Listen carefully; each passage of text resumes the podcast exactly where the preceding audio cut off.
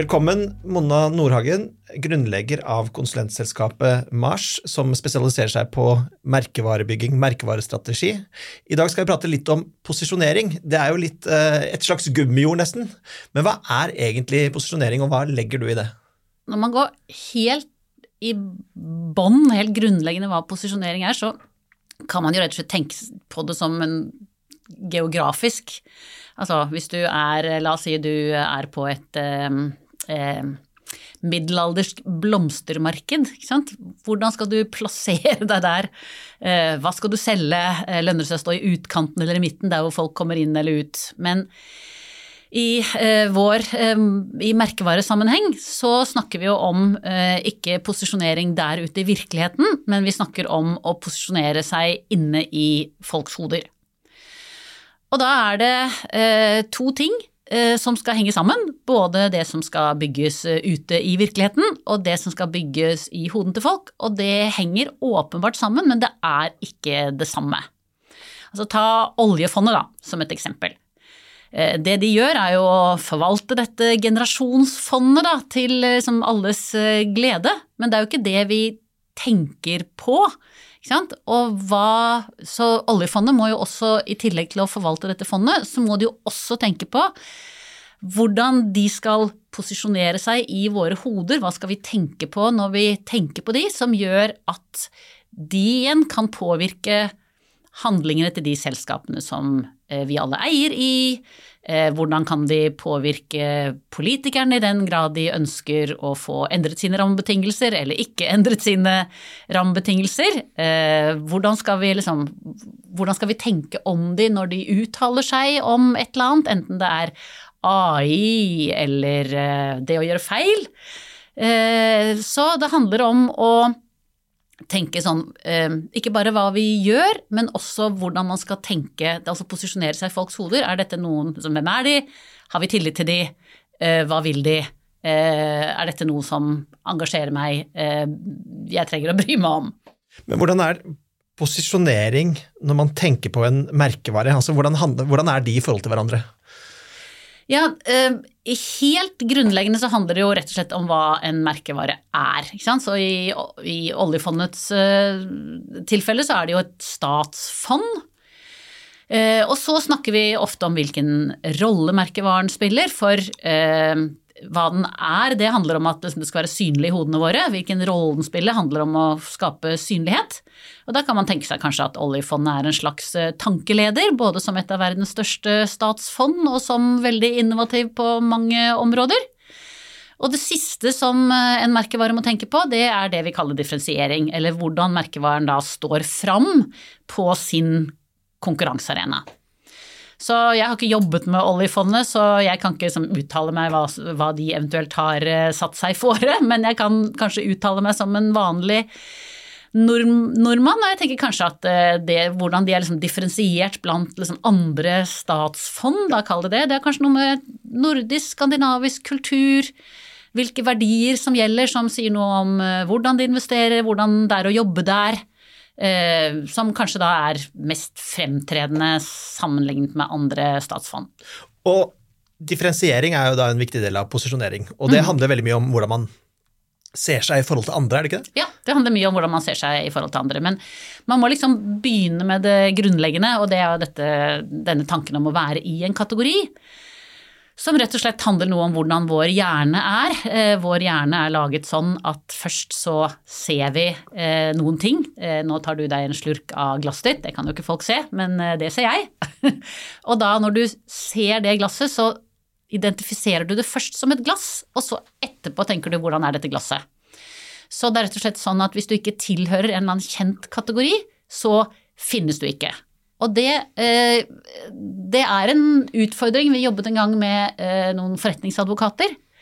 Eh, og når vi gikk inn på sånn om oss-sidene til de og alle konkurrenter, så snakket alle om det samme. Alle hadde alle disipliner, alle er så etiske, det er så hyggelig å jobbe der, de kan liksom kundenes forretningsområder, alt er helt strålende.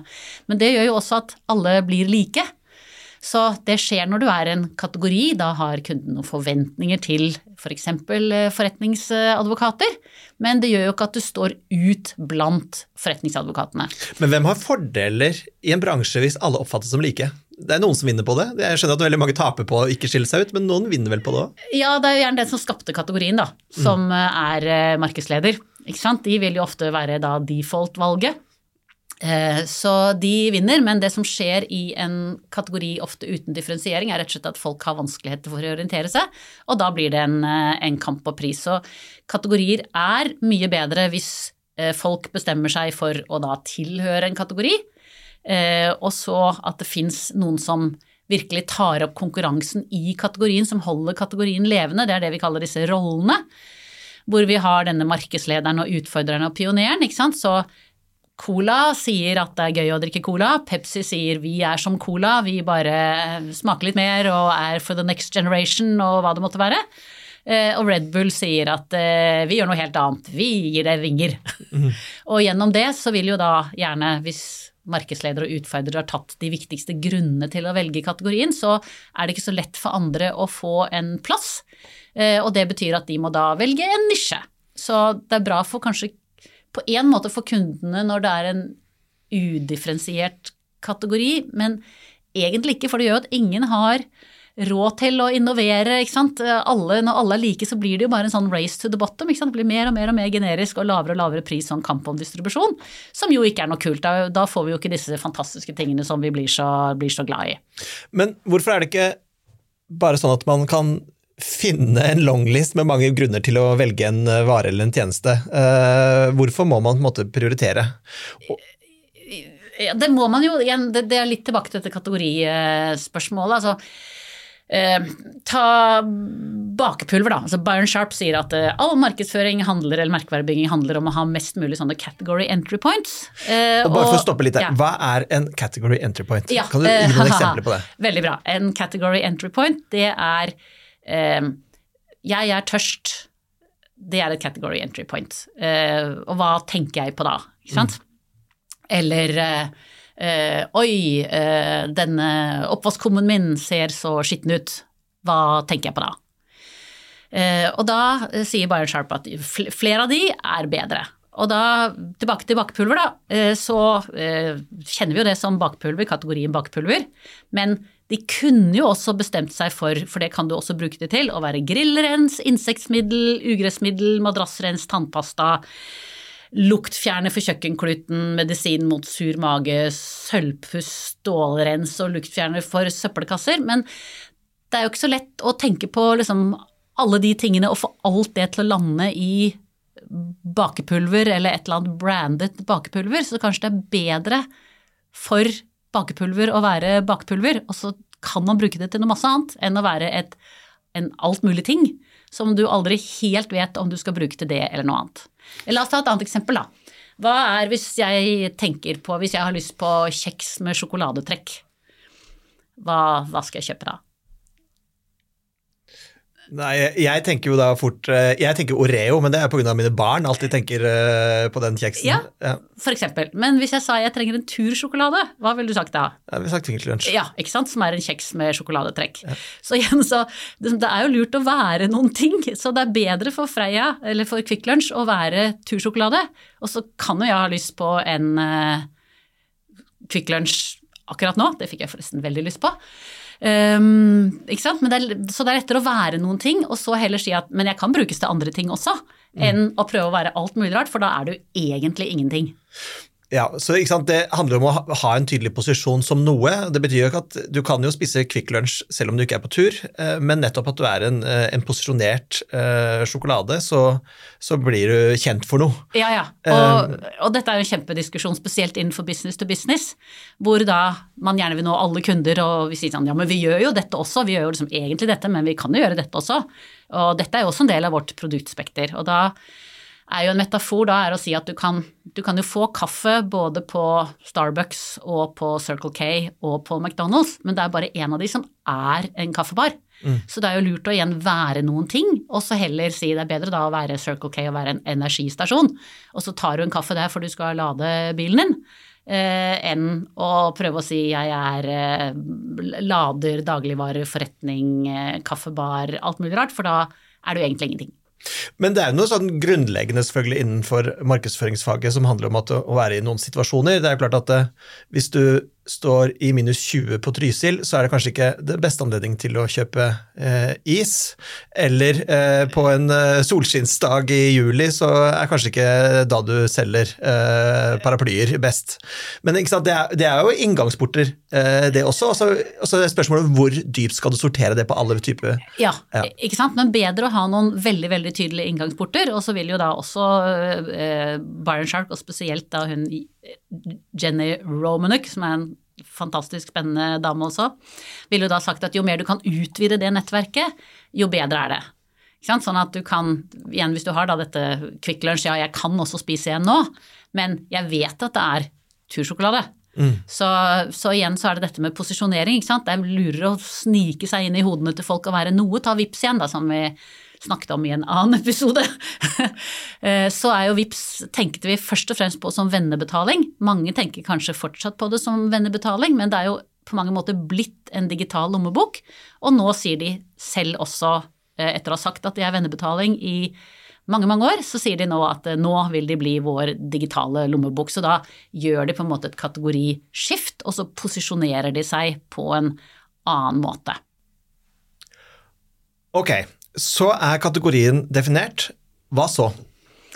Da må man ta en rolle i kategorien, for deg. gjennom denne rollen man blir synlig. Kategorien gjør man fins, rollen gjør deg synlig. Så da, eh, hvis ikke denne kategorien fins, så må du ta rett og slett lederjobben. Du må ta jobben og skape denne kategorien i folks hoder. Eh, og gjennom det håpe å få 30-50 markedsandel og, og øke størrelsen på kategorien. Eller hvis det fins én, så kan du utfordre markedsleder og så kan du være som de, bare litt annerledes, ikke sant. Som Pepsi er litt annerledes enn Cola, eller Samsung er litt annerledes enn Apple. Eller du tenker denne kategorien er litt sånn som du snakket om tidligere, det er mange aktører her, det er ingen tydelig markedsleder, kanskje ingen tydelig utfordrer, det er bare mange, mange, mange. Da kan man ta det som heter en pionerrolle. Dvs. Si at man bare velger å bli tydelig som liksom, veldig, veldig seg selv. Sånn som Ben Jerry, som kanskje er en premium iskrem, men først og fremst så liker vi Ben Jerrys fordi de er Ben Jerrys og bryr oss egentlig ikke så veldig mye om de konkurrerer med Diplomis eller Hagendags.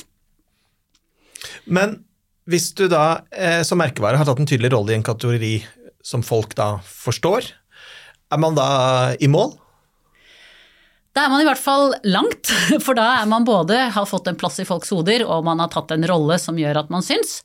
Men så er det da dette med denne differensieringen. Altså man må være kjent for noe. Og det betyr jo ikke at man skal bare være det ene, men man må bygge opp en eller annen form for forståelse for det du er aller, aller best på. Ta Telenor, ikke sant. De eh, er de er best på dekning, vil de fleste si, så de eier litt dekning, som kanskje er den viktigste grunnen til å velge kategorien, og det er veldig ofte det også markedsleder gjør, de tar den viktigste grunnen.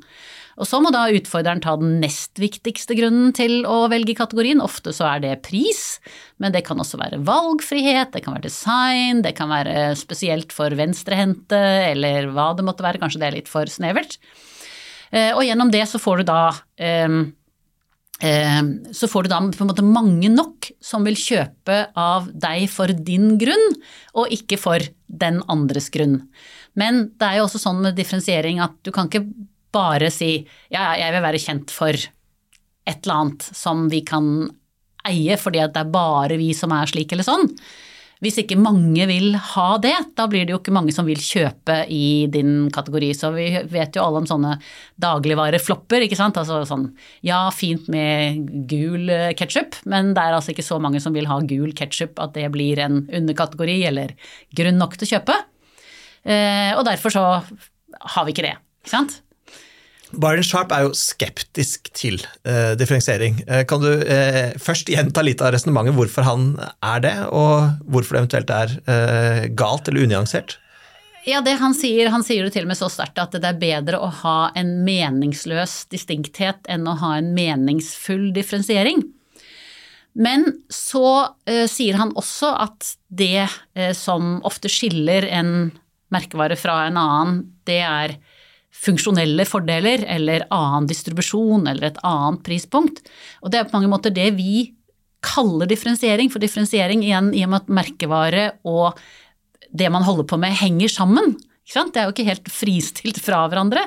Så vil jo, om du er la oss si, distribuert i apotek eller distribuert i dagligvare, det, noe, det sier jo noe om hvordan du tenker om det produktet. da? Så du kan ikke rive ut kan du si, merkevarekomponenten fra eh, det du driver med, for ikke å snakke om i digitale tjenester hvor det er basically alt. Så da må du eh, Du må igjen ta denne posisjonen, og det må du gjennom, gjøre gjennom å da ta et sett med valg som gjør at du er best på noe som folk er villige til å kjøpe for. Så jeg tror det er litt misforståelser eh, i den forstand at når Byron Sharp snakker om merkevaren, så snakker han veldig mye om den i kontekst av å være liksom det du identifiserer, og ikke nødvendigvis liksom the whole shebang. Men det er vanskelig å tenke seg eh, Ta Vips da, siden vi har snakket om det. Det er vanskelig å tenke seg at Vips bare er det navnet og det oransje og blinkefjeset, og ikke den derre tjenesten du har foran på førstesiden av mobiltelefonen din, og som du bruker hele tiden. Det er jo det som liksom, til slutt er merkevaren, og som gjør den sterk, er jo at du er villig til å bruke den. Så du må eie noe som folk forbinder med din merkevare. Og Der er jo dis diskusjonene ganske mye om sant, skal man være distinkt eller differensiert. Og så er sant, spørsmålet er det egentlig en motsetning? Nei, du må nok være distinkt for at du skal være identifiserbar. Mm. Så folk skal vite at åh, oh, det er din merkevare som snakker. Det er DNB som snakker om hvorfor jenter skal investere, som for øvrig er en typisk markedslederting å gjøre, å snakke for hele kategorien. Eller du må skjønne at det er Bulderbank, som nå har tatt over eh, S-bankens gamle posisjon som denne utfordrerbanken. Og da må du jo vite sånn å, nå er det Bulderbank som snakker, nå er det DNB som snakker. Ellers så, de liksom, så gir det jo ikke mening. Så ja, du må være distinkt og identifiserbar, liksom det goes without saying. Men hvis Bulderbank hadde vært eksakt som DNB, bare to lilla farger, eller hva nå fargen er, så gir det jo ingen mening. Så jeg tror det har litt med som, hva er det man snakker om når man snakker om differensiering. Og eh, Mark Ritson har jo da liksom kommet til denne litt sånn diplomatiske forslag til løsning og sier liksom la oss snakke om relativ differensiering. Altså er du sjokolade, så er du sjokolade. Er du digital lommebok, så er du det. Eh, er du bank, så er du bank. Men eh, du må liksom differensiere deg innenfor det vi forventer da igjen i denne kategorien, da. Men ok, så nå har du da egentlig rydda opp i en del eh, både kategori, eh, posisjon, eh, differensiering, og man må være distinkt. Eh, ja. Men er du da i mål? Ja, i forhold til posisjonering så er du i mål, ikke sant. Du fins, du har tatt en rolle som gjør deg synlig, og folk har en god grunn for å velge deg. Men så skal jo dette her komme på en måte i Det må vekkes til live.